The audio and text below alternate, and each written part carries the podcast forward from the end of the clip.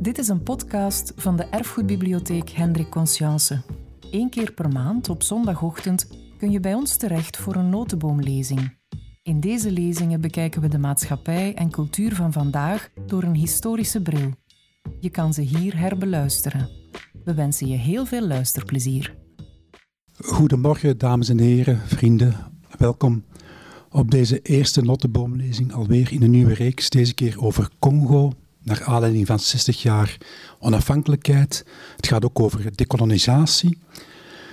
Maar eerst, ik zat op de trein van Oostende naar hier en dan was ik nog een beetje aan het nadenken over deze inleiding. Um, ik vond dat het nogal een lege trein was. En toen stelde ik mij plots voor, stel, de Notteboomzaal. Ik moest denken aan de Decamerone. De Notteboomzaal wordt onze Decamerone. U kent het raam, de raamvertelling. Een aantal mensen uit Firenze gaan weg voor de pest, sluiten zich op in een landhuis en beginnen daar elkaar verhalen te vertellen. Ik denk dat we met lieve Joris, de spreekster van vandaag, alvast een eerste prachtig verhaal gaan krijgen. Ik ga een andere Italiaan even citeren, dat is Franco Arminio. Hij is een uh, dichter, auteur en ook activist. En hij is helaas uh, niet, niet vertaald, maar hij uh, is wel een heel belangrijke stem geworden in het Italië van vandaag. Ook met name natuurlijk tegen de, of de angst. Hij heeft pas een decaloog eigenlijk geschreven tegen de angst. Um, met name eh, dus rond dat coronavirus. En hij stelt natuurlijk dat we rationeel moeten blijven, dat we, dat we onze handen moeten wassen, dat we moeten um, ja, verstandig blijven en, zeker niet in esoterische, laten we zeggen, ontsnappingstheorieën terechtkomen. Maar hij stelt wel, en dat vind ik zeer pertinent, dat er een soort van economie is ontstaan rond de angst. Dus dat eigenlijk de angst um, vorm heeft gekregen in een volledige commercie.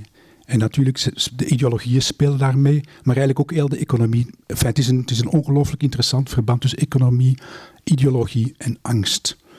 Um, u hoeft vandaag helemaal niet angstig te zijn hier in de Notteboomzaal. We zitten allemaal op een goede meter van elkaar.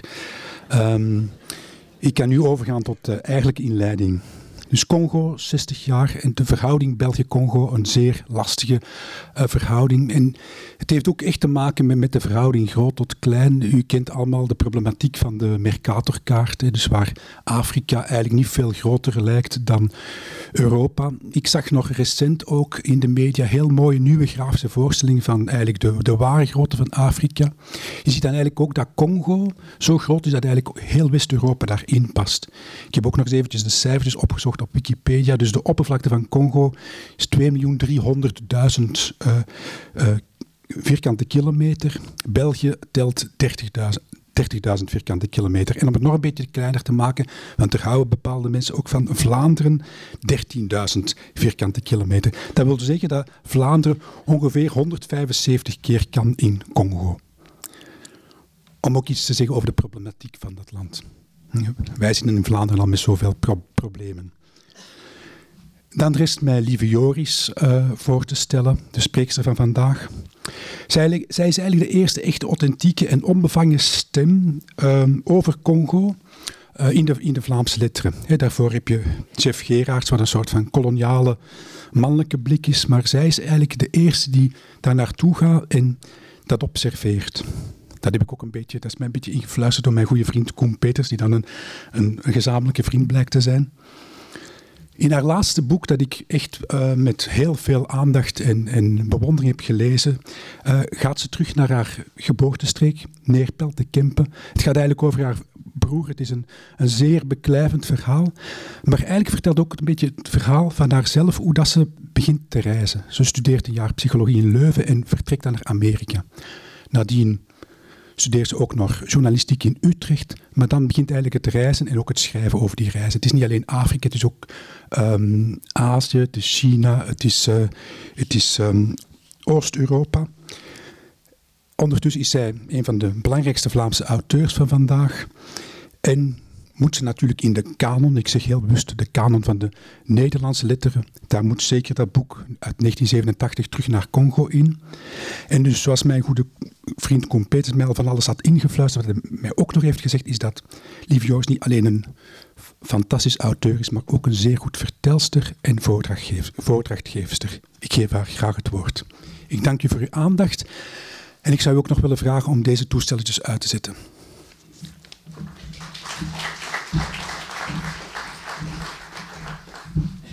Dankjewel, Koen. En dank aan jullie dat hier, jullie hier zijn vandaag, ondanks het eh, coronavirus. Ehm, ik kan niet echt in de zaal kijken, maar ehm, hoeveel mensen zijn er ooit in Congo geweest die hier in de zaal zijn? Ah, dat zijn toch een aantal. Ja.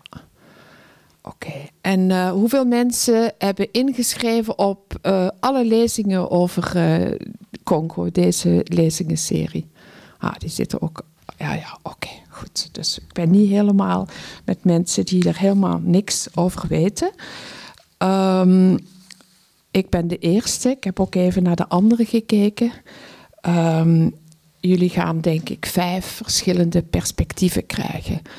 En um, ik ben de eerste omdat ik dit jaar heel veel op reis ben. Ik kom net terug uit Mali. Dus uh, als er van tijd tot tijd even een Malinees intermezzo is, dan moeten jullie mij dat vergeven. Want uh, daar ben ik op dit moment heel erg vol van. En uiteindelijk ben ik ook in Mali terechtgekomen vanwege Congo. Maar daar ga ik straks vertellen hoe dat gekomen is. Um, ik um, ga iets vertellen over mijn perspectief hoe ik tot die reizen naar Congo ben gekomen, hoe ik kijk, hoe de wereld terwijl ik reisde veranderde. Hier, hoe ik zelf ook veranderde. En ik hoop dat we aan het einde misschien even met elkaar in, in gesprek gaan. Um, dus ik woon sinds mijn negentiende in het buitenland en dat heeft mij eigenlijk heel erg geholpen met het schrijven over Congo. Want ik had een blik die een beetje van buiten kwam. Ik uh, woonde eerst in de Verenigde Staten, daarna ben ik in de, Nederland gaan wonen. En um, in Nederland uh, waren er schrijvers als Rudy Kousbroek, uh, Jeroen Brouwers, uh, Adriaan van Dis. die schreven over Nederlands-Indië met een hele literaire pen. En um, ik ben begonnen in de Arabische wereld te reizen. En ik denk, ik wilde zo erg weg uit Neerpelt, uit dat kleine, iets wat suffe dorpje zoals ik het toen zag. Dat ik een soort enorme duw in mijn rug had. En ik ging naar de Arabische wereld en ik wilde daar eigenlijk thuiskomen. En op een dag ben ik in Cairo Arabisch eh, begonnen te studeren.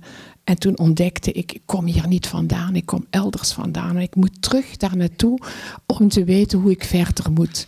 En toen begon ik na te denken over Neerpelt en toen rees daar uh, in mijn herinnering het personage op van Herom, de broer van mijn grootmoeder, die uh, net als al zijn andere broers priester of broeder was geworden. Hij was missionaris in Congo, hij had een broer die in Brazilië zat, een andere dokter in de godsgeleerdheid was vroeg overleden aan de vliegende tering, zoals dat toen heette. En de vierde was uh, monnik in een klooster in Nederland. En Heron van Congo die rees zo op langs het kanaal in zijn lange soutane met zo'n zware paternoster aan, aan, aan zijn uh, buikriem. En um, ik zou nooit over Heron van Brazilië zijn gaan schrijven, want dat was zo'n klein gerimpeld aapjesachtig wezen die mij opmerkingen gaf over dat mijn rokje te kort was en zo. Maar Heron was een heel lieflijk personage. Die kwam in het begin om de zeven jaar met de Congo-boot uit Congo en later om de drie jaar. En omdat uh, uh, mijn zuster, met mijn grootmoeder, zijn zus was, dan zette hij zich in de stoel en dan hield hij audiëntie. En omdat ik heel dicht bij mijn grootmoeder stond, mocht ik dan met hem gaan wandelen langs het kanaal. En dan vertelde hij, dan in de verte zagen we wat later bleken de... Uh, de eh, schouwen van fabriek, Overpeltfabriek te zijn, lood- en zinkfabriek, uh, dan zei hij dat is de boot die mij straks naar Congo gaat brengen. En hij, ik heb ook een kleine anekdote waardoor je gehecht raakt aan zo iemand. Um, ik moest boodschappen doen, ik moest boter kopen en uh, groene Michel zonder filter, dat rookte hij.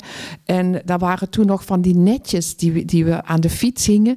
En mijn netje kwam tussen uh, de, het wiel van de fiets en de boter en de sigaretten. Dat was allemaal een verschrikkelijk vieze massa en ik liep huilend naar huis.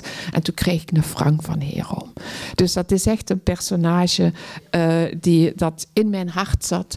Dus toen ik begon na te denken, ik moet dichter bij huis iets doen, dacht ik aan Herom. En ehm, ik begon in de archieven van de familie en van de redemptorist. Hij was een redemptorist. Van de orde begon ik te zoeken.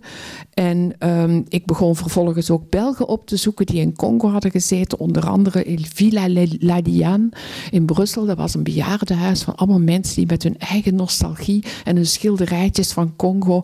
En die, die, die soms huilden als ze met mij praten over Congo. Dus ik begon ook geïnteresseerd te raken. Wat is daar eigenlijk gebeurd en wat heeft die mensen daar aan dat, dat land zo verbonden? En ik kwam terug in Nederland en Adriaan van Dis was toen de eindredacteur van de achterpagina van NRC Handelsblad. En ik zei, ik zou een verhaaltje willen schrijven over mijn herom en over Congo. Hij zei, oh dat is heel mooi, dan maken we daar een serietje van, van zeven.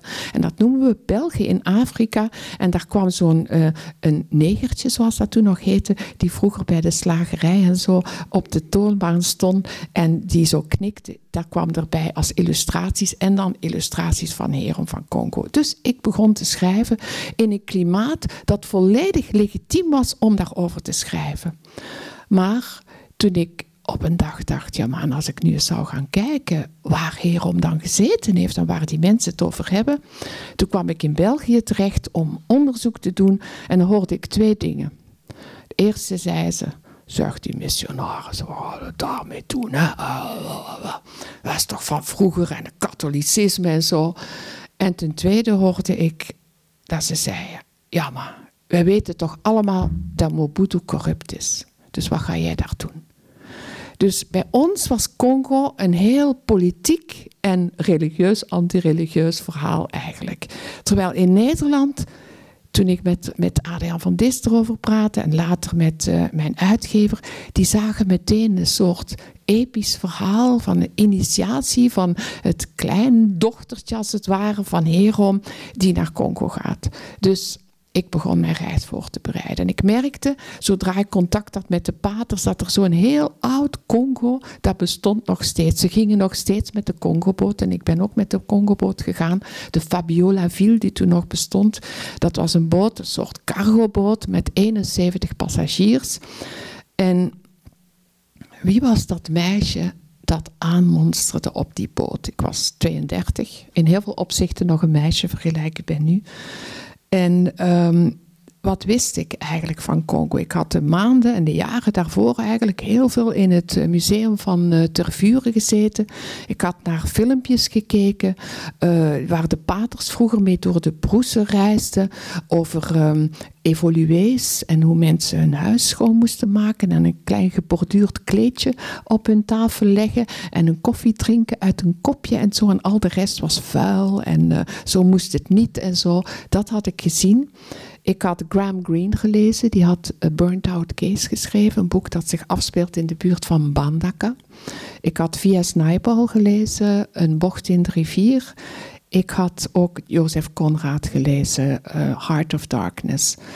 Um, dat was niet veel, maar vergeleken bij de mensen die ik later zou ontmoeten in Congo, was dat heel veel. Want ik zag daar alleen maar boeken over insecten en speciale dieren en, en, en het oerwoud en zo, planten en zo. Dat hadden de meeste oud-kolonialen, zoals ik ze nu maar zal noemen, uh, die ik daar aantrof. Dat was zo'n beetje wat ze aan literatuur hadden. Ik monster aan op die boot en het is 25 jaar na de onafhankelijkheid, 1985. Maar zodra ik met die mensen begon te praten, had ik het gevoel dat dat land nog steeds gekoloniseerd was. Die praten over onze boy. En uh, ja, als ze dan hoorden wat ik ging doen, dan zeiden ze: Amai, je gaat uw peren zien. Want als de Congolezen moeten kiezen tussen Jezus en Barabbas, dan kiezen ze Barabbas. Dus je gaat daar een en ander meemaken. Dat gaat ook niet lukken wat je allemaal. Want ik had ook heel veel over de kaart gehangen. Ik zou aankomen in Matadi. En dan zou ik de streek bezoeken waar mijn herom missionaris was geweest. Dat bleek alleen maar één provincie te zijn. Hij praatte over Congo. Maar uh, de paters die ik dan ontmoette, die, die, die hoorden dat ik dan naar binnen Hoe ik moet oppassen, want er zitten gevaarlijke mannen en zo. Zij waren eigenlijk alleen maar in Bazaire, zoals het toen heette. Um, geweest. Dus ik had veel over de kaart gehangen. Ik wilde die reis van Jozef Conrad van eh, Kinshasa naar Kisangani overdoen. Ik wilde naar het zuiden, ik wilde naar het oosten. Ik had een heel plan en die mensen die met mij op die boot zaten, die zeiden dat gaat toch allemaal niet mogelijk zijn hoor. En ze hebben mij later altijd gevolgd. En uh, dan kwam ik, uh, ging ik het binnenland in en dan kwam ik terug. En aan het einde ben ik op onfortuinlijke wijze in de gevangenis terechtgekomen. En toen waren ze toch allemaal wel heel blij. Want toen zei ze, we hebben het u gezegd hè. Ja, ja, ja, dat, je kunt hier niet alles zomaar doen. Hè. Dus, uh, dat is uh, gevaarlijk wat jij gedaan hebt. Maar zover waren we nog niet. Ik zat op die boot, ik luisterde naar die verhalen. Sorry. In Mali was het 40 graden, dus ik moet nog even wennen aan de temperatuur hier. Um, ik, ik zat op die boot met mijn kleine bagage en met mijn plannen. En die mensen die waren mij eigenlijk voortdurend bang aan het maken. Dit zou niet lukken en dat zou niet lukken. Maar tegelijkertijd voelde ik ook wel dat ze op hun manier heel erg verknocht waren aan Congo. En dat die boot eigenlijk, want ze waren in België ook niet meer echt thuis. En uh, Congo was ook veranderd. En op die boot leefde eigenlijk het oude leven nog een beetje verder. Daar hadden ze nog de illusie. En dan uh, smiddags, uh, als we dan zo langzamerhand warmere temperaturen binnenvoeren, dan dan uh, zaten ze smiddags uh, die lange diners aan dek en dan zong iemand non rien de rien. En dan voelde je echt die mensen die leven in een soort nostalgische tijd. Ik stond op de reling van de Fabiola Ville toen wij aankwamen in Matadi. Iedereen had tegen mij gezegd dat ik mijn hut toch vooral goed moest sluiten, want er zouden misschien sluipers aan boord komen. En ik, ik keek naar de kade en die zag echt zwart van het volk, zoals Leo Plezier zou zeggen. Al die mensen die keken op naar ons.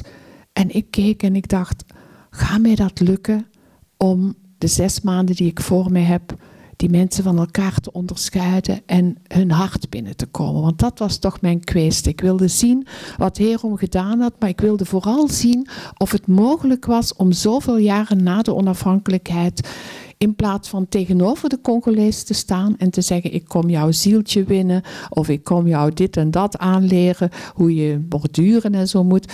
Of het mogelijk was om naast elkaar te zitten en te kijken naar dat postkoloniale landschap. En te zeggen: Waar gaan we nu naartoe? Dat was mijn kwestie. Maar ik wist natuurlijk niet of het mij dat zou lukken. En um, ik was omringd door al die mensen die mij bang hadden gemaakt. En ik was toch heel blij dat ik daar in die zwarte massa een wit figuurtje zag komen. Dat was de pater die mij opkwam halen. Dat was een confrater van mijn heerom. Die heeft mij van boord geloodst. En diezelfde middag um, was ik in mijn kamer op de missiepost, waar ik dan de eerste weken zou logeren, al rondtrekkend in de voetsporen van Herom. En uh, daar maakte ik kennis met de vliegende kakkerlak. En uh, er waren grote beesten en die vlogen door die kamer. En de abbés, uh, de zwarte paters, die door de redemptoristen waren het priester gewijd, die, die, die kwamen in hun lange soutanes de kamer binnen en die zeiden, je moet ze niet doodmaken, want anders komen alle anderen naar de begrafenis. Dus uh, je moet zorgen dat ze uit. Dus meteen werd ik ook met de beeldspraak van Congo geconfronteerd. En een paar weken later was ik met Abe Musoki. Dat was een uh, uh, priester die door mijn Herom was priester gewijd. En we reden naar een klein dorpje waar Herom toevlucht had gezocht toen zijn eigen missiepost verbrand was en de mensen hem beschuldigd hadden van die brand te hebben aangestoken. Want er is altijd iemand die dat gedaan heeft, bleek dat in Congo zo te zijn. En hij was dan naar Yangapompe gevlucht, daar had hij een mooie missiepost opgericht. En ik reed daar met Abe Musoki naartoe in zijn four-wheel drive. En hij reed werkelijk zo ongelooflijk amateuristisch ik zei, waar heeft u leren rijden? Zei, oh, dat was gewoon één keer had iemand daar meegenomen. En we botsten ook tegen de enige auto die we tegenkwamen, daar botsten we tegenop. Gelukkig was het niet erg. Dus ik, ik denk dat ik, ik was nogal vlug in de ban. Ik had in de Arabische wereld gereisd, dus ik wist al iets van reizen. Maar dit was anders. Ik woonde sinds mijn negentiende in het buitenland En ik had het gevoel, niet alleen dat ik in een gigantisch land kwam dat mij vreemd was, maar ik kwam ook een klein beetje terug in België. Die oude missieposten die helemaal op zijn, zijn, zijn Belgisch gebouwd waren. Pater Willekes uit Hamend met zijn lange rafelige baard en zijn knoken die s'avonds zoveel lawaai maakte als hij achterover ging zitten. En die zo'n een klein kevertje had met van achter een grote sticker het paliterke. Dus je komt in een heel ver land en tegelijkertijd kom je thuis. En ik zag als het ware, ik, ik, ik, wat, wat Congo, ik, ik dacht ik moet hier vandaag vooral ook vertellen wat Congo mij gegeven heeft. En een van de dingen die Congo mij gegeven heeft, is dat ze mij eigenlijk een duik in mijn eigen geschiedenis heeft gegund. Ik zag in één keer dat iets wat paternalistische uh, kolonialisme van die Belgen. Die, die, die oh, we gaan dat goed doen, hè? Ja, de Boy Simon en zo. En ook geen kennis van kolonisatie, uh, geen andere landen gekoloniseerd. Een land dat ook veel te groot was voor dat kleine België. En tegelijkertijd reisde ik het hart van Congo binnen. En waar ik de Congo lezen altijd zo dankbaar voor geweest ben, is dat ze. Ik heb heel zelden op het terrein, als ik daar was, soort animositeit gevoeld. Dat mensen zeiden wel, ja, je moet ons geld geven, zei pygmee ooit, voor alle slagen die jouw grootouders mij gegeven hebben, omdat ik toiletten moest bouwen achter mijn hut en dat wilde ik niet, omdat ik naar school moest gaan terwijl ik fruit wilde plukken in de, in de bush bush. Dus um, ik, ik had vanaf het begin in tegenstelling tot wat de mensen op de boot Fabiola viel mij voorspeld hadden, had ik het gevoel dat het hart van de Congolezen open stond. En omdat het mijne ook open stond, was het in zekere zin met alle moeilijkheden die er ook waren en de gevangenis aan het einde, was het toch een reis. Ik zou die reis, als ik terugkijk, kunnen beschrijven als een soort verliefdheid. Ik dacht, oh my zeg, wat is hier gebeurd? En op dat moment, je moet bedenken, nu weten we tot in detail, dankzij mensen als Ludo de Witte en de parlementsonderzoeken uh, uh, hier, wie Lumumba vermoord heeft. Maar in 1985 waren dat nog dingen die niet heel duidelijk waren. Er waren een hele hoop dingen die, die, die we toen nog moesten uitzoeken. Er kwam ooit op de boot over de Congo-stroom een Congolees naar mij toe en die dacht echt dat ik als het ware geboren was met die kennis en die zei Vertel jij mij nu eens wie heeft Lumumba vermoord? En ik moest het antwoord schuldig blijven. We wisten wel dat wij ook mede verantwoordelijk waren, maar hoe het precies zat, dat wisten we niet. Dus er waren een hele hoop dingen die in die, dat vergeten we soms. We wisten een hele hoop dingen nog niet. Ik wist in ieder geval een hele hoop dingen nog niet. Die moest ik leren en die heb ik aldoende geleerd. Ik. Um, heb door dat land gereisd met boten, met vrachtwagens. Uh, soms uh, dan stopte een vrachtwagen. Ik ging gewoon liften, vooral in het begin in Bakongo, in Bazaire. De pater zei dan, ah, jij wilt naar Bienga gaan, dan moet jij een doosje tomaten meenemen voor de zustertjes daar. En neemt ook maar wat kleren mee om te verstellen. En die brengt je dan straks maar terug. En dan gaat je daar langs de weg staan met je doosje tomaten en mijn bagage die ik ook bij me had. En dan wacht je maar en dan gaat er een auto stoppen. En er stopte inderdaad een grote vrachtwagen zonder ramen van voren. En ik werd meteen van voren gezet. En uh, daar heb ik ook mijn eerste glas palmwijn gedronken. Dat we ergens stopten. En dat bleek later de lievelingsdrank van mijn heer te zijn. Vooral s ochtends vroeg, als de palmwijn nog heel zoet is en weinig alcoholisch, dan zei Herom dat is als de huid van een leguaan. Dat herinnert de mensen zich. Ik maak die eerste reis. Eigenlijk het enige wat ik uit mijn uh, jeugdige jaren van Congo, behalve de verhalen van, uh, van mijn heer wist, was dat wij een liedje zongen. Ik weet niet of er mensen zijn in de zaal die dat liedje kennen. Dat ging zo.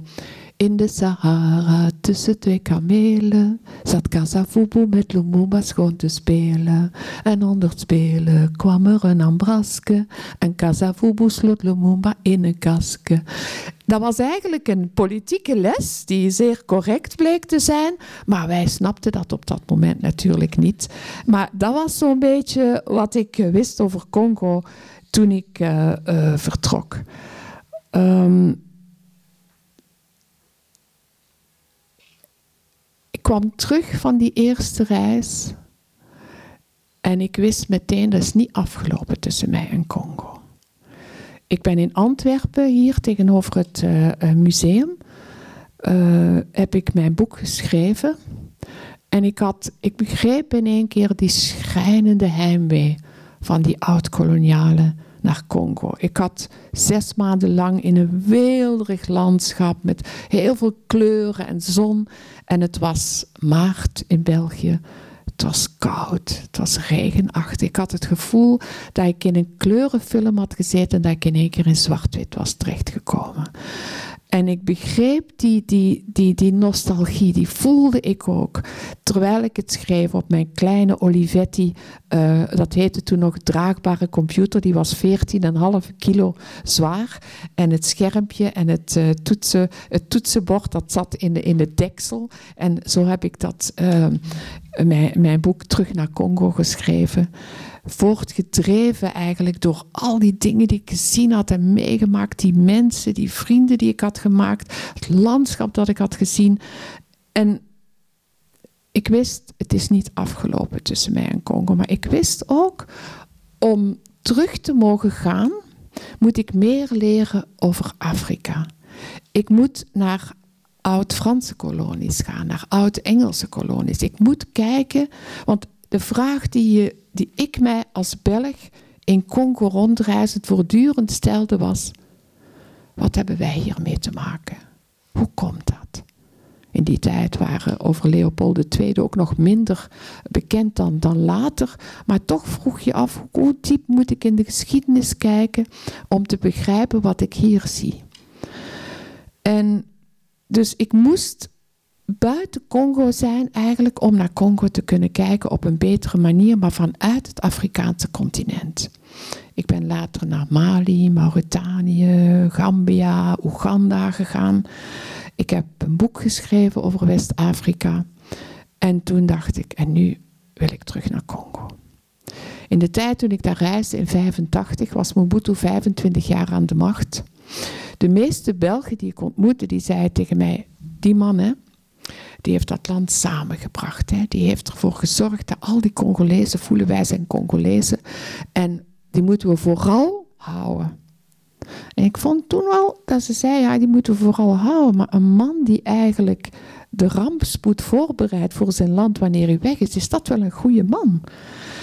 Dat heb ik dus meegemaakt toen ik in 1997 terugging. Het was oorlog in Congo. In 1996 begon het. Ik was op dat moment al, zat ik te kijken, ik wilde teruggaan.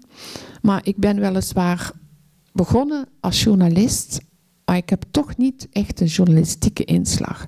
Op dat moment gingen mensen vanuit Rwanda, waar de oorlog begonnen was, gingen Oost-Congo binnen, rebellengebied. En dan gingen ze samen met Kabila, die optrok naar de hoofdstad, maar ze wisten nog niet of hij daar zou komen, gingen ze dat land binnen. Er waren anderen die wachten in Kinshasa totdat hij zou komen. En ik, ik was zo aarzelend, aarzelend, aarzelend. En op het moment waarop ik eindelijk ging, zag ik in Zaventem op de luchthaven de kindsoldaten van Kabila de hoofdstad binnenwandelen. En mijn vliegtuig ging niet naar Kinshasa, maar naar Brazzaville aan de overkant van de stroom. En ik ben dan met een kleine prauw naar de overkant uh, gekomen, naar Congo. En daar is een heel nieuw avontuur begonnen. Die eerste keer had ik als het ware als een vogeltje boven het landschap gehangen. Ik moest overal gaan kijken en ik dacht de tweede keer wil ik teruggaan en wil ik landen. En wil ik van binnenuit proberen een verhaal te schrijven. Maar wanneer het oorlog is in een land, dan lukt dat niet. Want je moet eigenlijk het terrein helemaal opnieuw ontdekken. Mobutu was gevlucht naar uh, Rabat. Er was een nieuw regime aangetreden. Dat was een makizaar, een soort uh, rebel uit het oosten van Congo, die daar jarenlang handel had gedreven. Die hadden ze in één keer uit zijn hol gehaald en die hadden ze tot president gemaakt. Die hoorde de verschrikkelijkste verhalen over wat er allemaal fout ging. En tegelijkertijd voelde je ook Daarom heet het boek Dans van de Luipaard, dat ik zou schrijven, mijn tweede boek.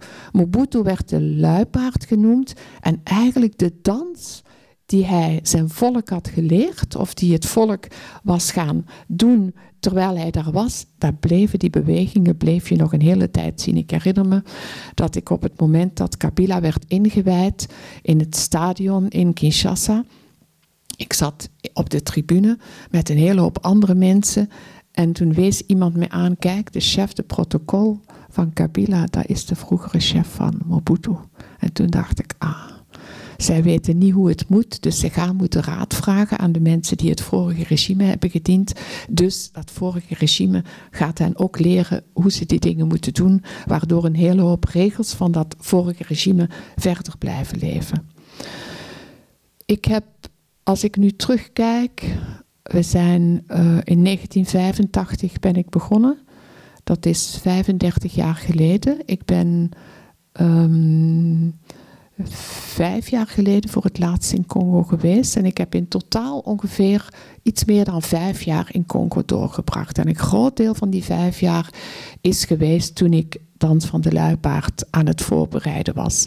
Omdat je ik kon niet meer reizen zoals vroeger. De wegen waren dichtgeslipt. Mobutu was begonnen vanaf het begin van 1991, na de Koude Oorlog was voorbij. Mobutu voelde dat hij geen steun meer had van het Westen, van zijn oude bondgenoten. En die begon eigenlijk zijn leger slecht te betalen of niet te betalen. En dat werd als een soort honden op de Congolese bevolking afgestuurd. Waardoor dat leger was, was bijna onbestaande. Dat was overgenomen door die rebellenkindsoldaten die met Makabila naar, uh, naar de hoofdstad waren gekomen. Dus je reist zo'n binnenland en je reist de wonden van zo'n land binnen. En je reist op dat moment ook de wonden van de geschiedenis binnen. Want zo heel veel mensen zeiden, ja, in het begin, vlak na de onafhankelijkheid, ging het nog goed. Maar dat komt ook omdat die dans die de Belgen, de Congolezen hebben geleerd, die gaat ook nog een tijdje voort. En dan komt er een moment waarop je zegt, oké, al die instellingen die hier uit het Westen zijn gekomen, die moeten wij, gaan wij invullen, maar dat doen wij toch op onze eigen manier. Dus we gaan onze oom erbij betrekken en onze broer en, en mijn moeder heeft ook uh, een rol in dit alles. Dus er komt een ander systeem en aan de buitenkant lijkt dat nog steeds, dat is een ministerie, maar daar binnenin gebeuren hele andere dingen. En er zijn soms mensen die in Congo hebben gezeten in de goede tijd, zoals ze dat noemen, de kolonisatie. En die zeggen dan, nou, ik ga toch niet meer terug, want ik ben bang voor wat ik aantref. Ik ben geen nostalgicus en ik ben nooit bang geweest voor wat ik zou aantreffen. En wanneer mensen zeiden, oh die oorlog is verschrikkelijk, die oorlog is inderdaad verschrikkelijk. En tegelijkertijd denk je, dat land is ook meer zichzelf aan het worden.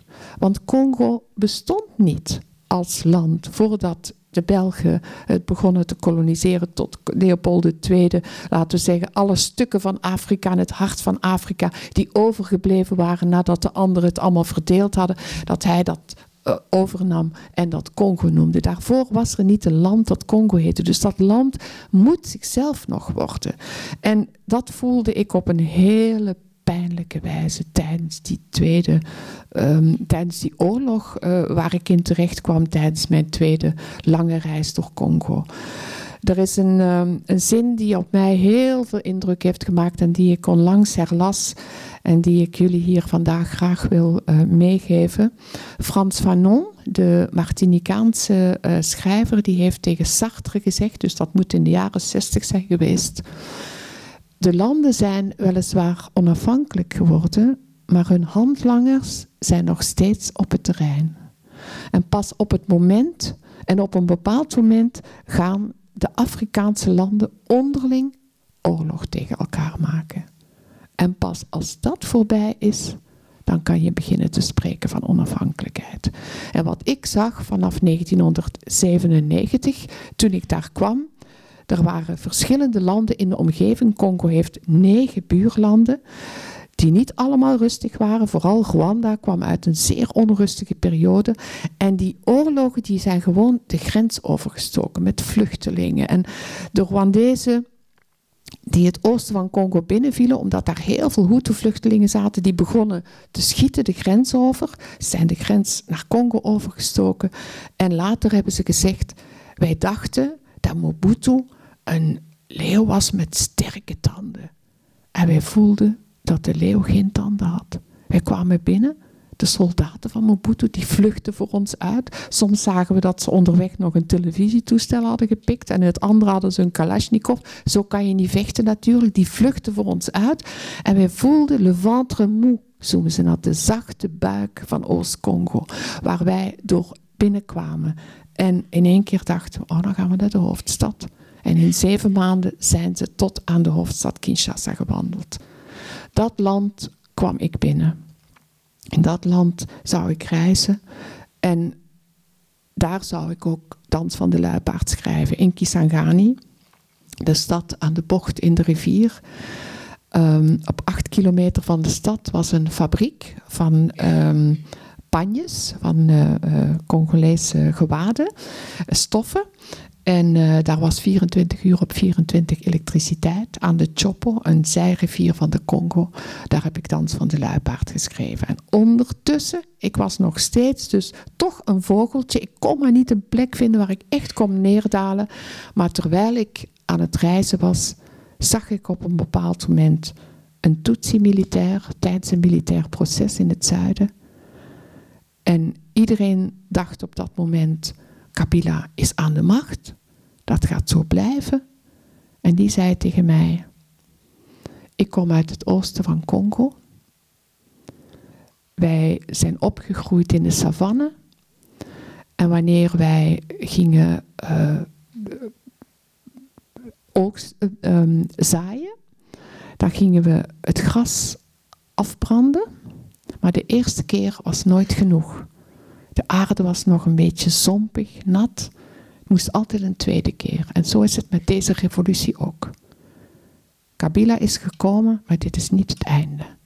Zoiets moet je zeggen tegen een schrijver die denkt: mm, die man moet ik volgen. En die man ben ik gaan volgen. Hij verdween op een bepaald moment, want de oorlog begon opnieuw. Hij vluchtte. Ik dacht dat hij gesneuveld was en op een dag kwam hij via een krakende satelliettelefoon weer mijn leven binnen. En over hem heb ik dan het Uur van de Rebellen geschreven. En ik heb in zijn geboortestreek gereisd om te begrijpen wie hij is. Want als ik wil schrijven over iemand, dan moet ik de tunnel van zijn leven binnen. En dan moet ik terug naar het moment waarop hij onschuldig was in zijn geval. Want op het moment waarop ik hem ontmoette, had hij al behoorlijk wat bloed aan zijn handen. Dus ik ben naar de hoogvlaktes van Oost-Congo gegaan en heb een boek daarover geschreven, een klein boekje. Ik zal nooit klaar zijn met Congo. Maar die vier boeken, ik ben begonnen in het westen van Congo. En ik ben als een balletje naar het oosten gerend en in mijn, in, in, gerold. En in mijn laatste boek ben ik in Oost-Congo.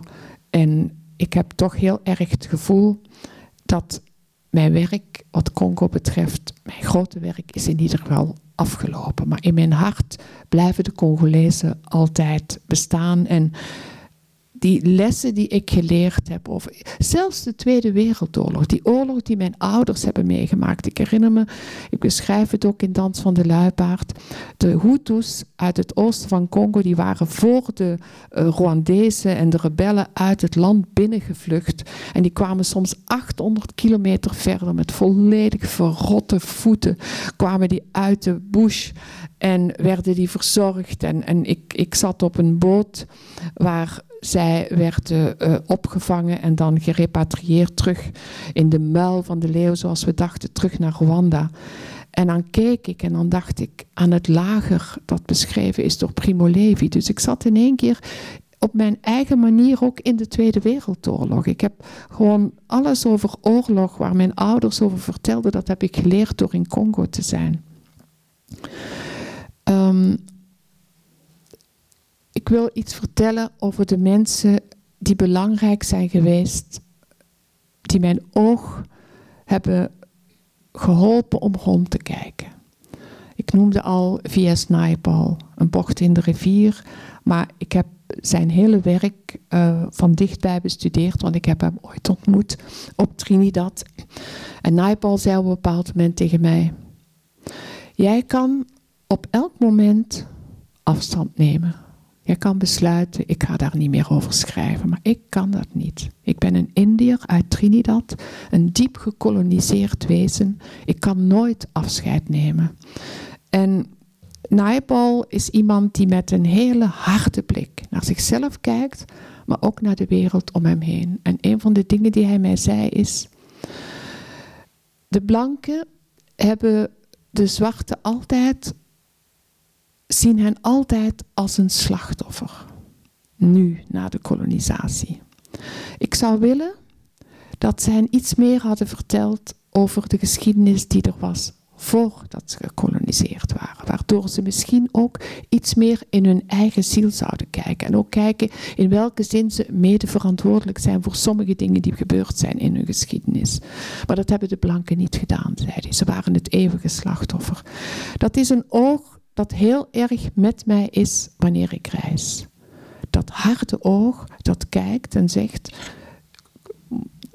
Leopold II is in 1885 ongeveer, heeft die Congo tot zijn eigen kolonie uitgeroepen. Maar hoe was het mogelijk dat een koning van een nieuw land zei: Ik wil een kolonie en dat dat lukte? Vervolgens in 1908 is België officieel de kolonisator geworden. Dat zijn 52 jaren. Er zijn 60 jaren daarna. En er zijn zoveel eeuwen daarvoor. Wat, zijn er, is er in die eeuwen gebeurd? Ik kom terug net uit Mali.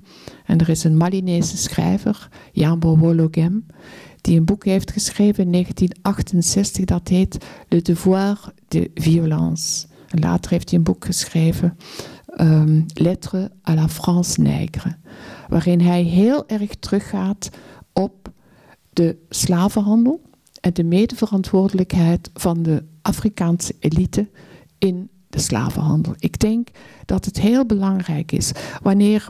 Ik ben, ik ben dus teruggekomen uit al mijn reizen uit Congo. En ondertussen veranderde mijn eigen samenleving.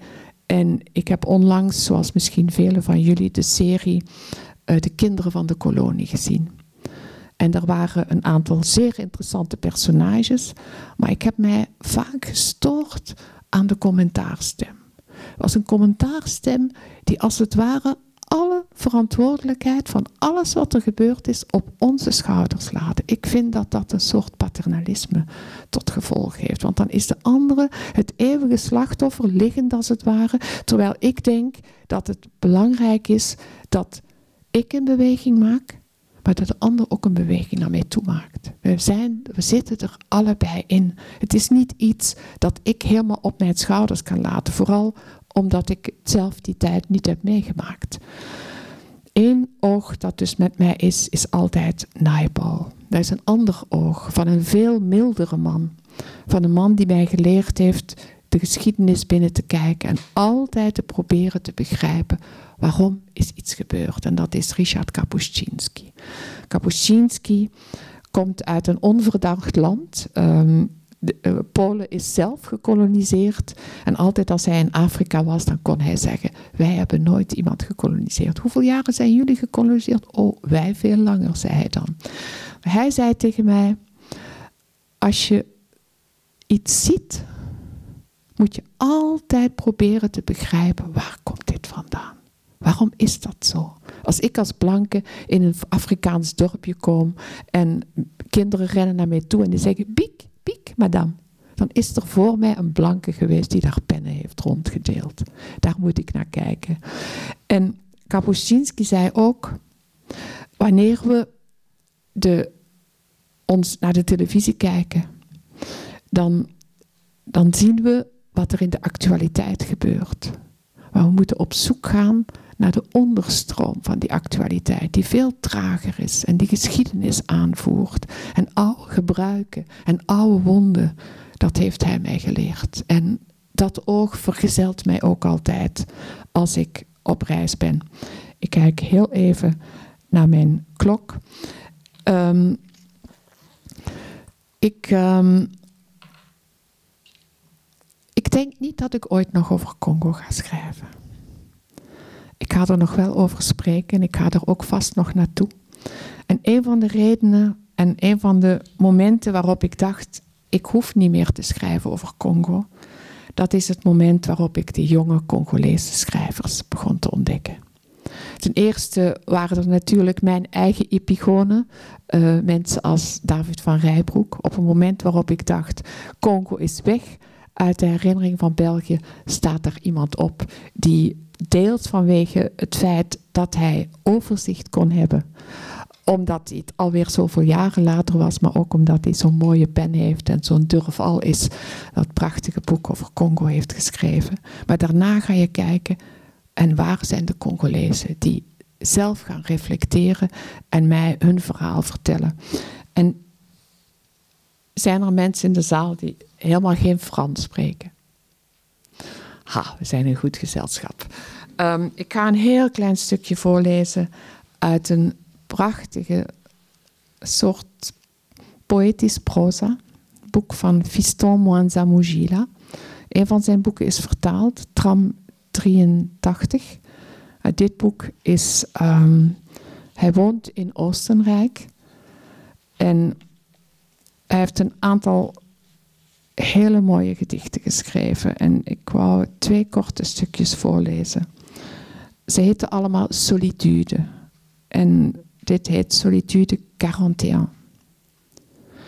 Je ne suis pas le premier à quitter le continent. Mon exil ne sera pas l'exil d'une race. Et même si je crève ce matin à Minsk ou au début d'après-midi à Vladivostok, je n'aurai droit ni à une ville morte, ni à un deuil national. Je ne vois que seule ma mère languir, se larmoyer et quelques amis se chagriner l'estomac. Le fleuve Congo continuera ses virées nocturnes dans l'Ouélé et le Bazaïr. Les usines de cuivre tourneront dans le Katanga. Les adultes et enfants soldats en mal de sexe, ivres de sang et autres fellations, vaqueront à leurs moutons entre Buta et Uziro. Et les trains marchandises partiront de Musumba à Ngandajika, en passant par Ilebo, Kasangulu, Luamba, Lodja en Kamituga. Het zijn allemaal gedichten van een enorme desespoir en tegelijkertijd van zo'n enorme kracht dat ik voel, deze stem gaat heel ver dragen. En hier ga ik een heel kort stukje met een heel mooi einde. Eens kijken, nummertje 2. Le nouveau monde exige que nous soyons les fils d'un même père et d'une même mère, que nous soyons des sœurs et des frères si à moi, des jumeaux au centimètre près, au centimètre près. Et le fusil n'est pas et n'a jamais été entre nos mains. Nous sommes dressés contre le mur, jambes écartées, les bras en l'air. Le drame, c'est qu'on n'est pas au cinéma. Dankjewel. Nu mogen jullie vragen stellen als jullie willen. Dankjewel.